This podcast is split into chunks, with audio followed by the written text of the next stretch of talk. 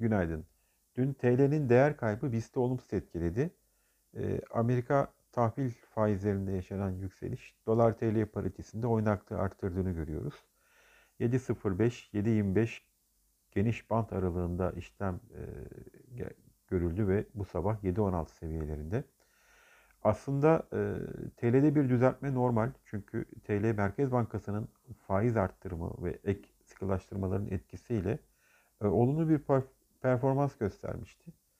E, yılbaşından bu yana e, %8 bir değer kazanımı var dolar karşısında. Ancak e, burada e, teknik düzeltmenin, e, olası bir teknik düzeltmenin e, hızlı olması ve oynaklığın artması piyasalarda olumsuzluğa neden oluyor, karışıklığa neden oluyor. E, bankacılık endeksi de önemli. 1400 destek seviyesi kırıldı.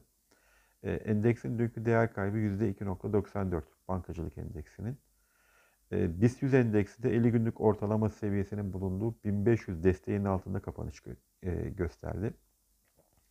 Amerika'da endekslerin günü yükselişle kapatması ve bu sabah Asya piyasalarında endekslerin dünkü kayıplarını geri alması e, BIST'te tepki alımlarının e, gelmesini sağlayacaktır e, bugün için. Endeksin 50 günlük ortalama seviyesini bulunduğu 1500 tekrar test etmesini bekleriz.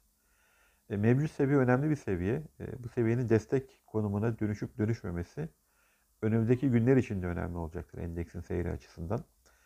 E, yurt dışı piyasalarda dün Almanya'da dönün çeyrek büyüme rakamlarında yıllık bazda %2.9'luk daralma beklenirken bu beklentinin altında %2.7 daralma olması olumlu etkiledi Almanya'da DAX endeksini.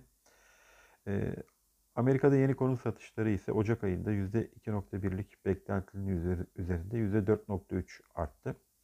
Ee, bugün Amerika'da büyüme, e, dayanıklı mal siparişleri ve haftalık işsizlik başvuruları e, izlenecek.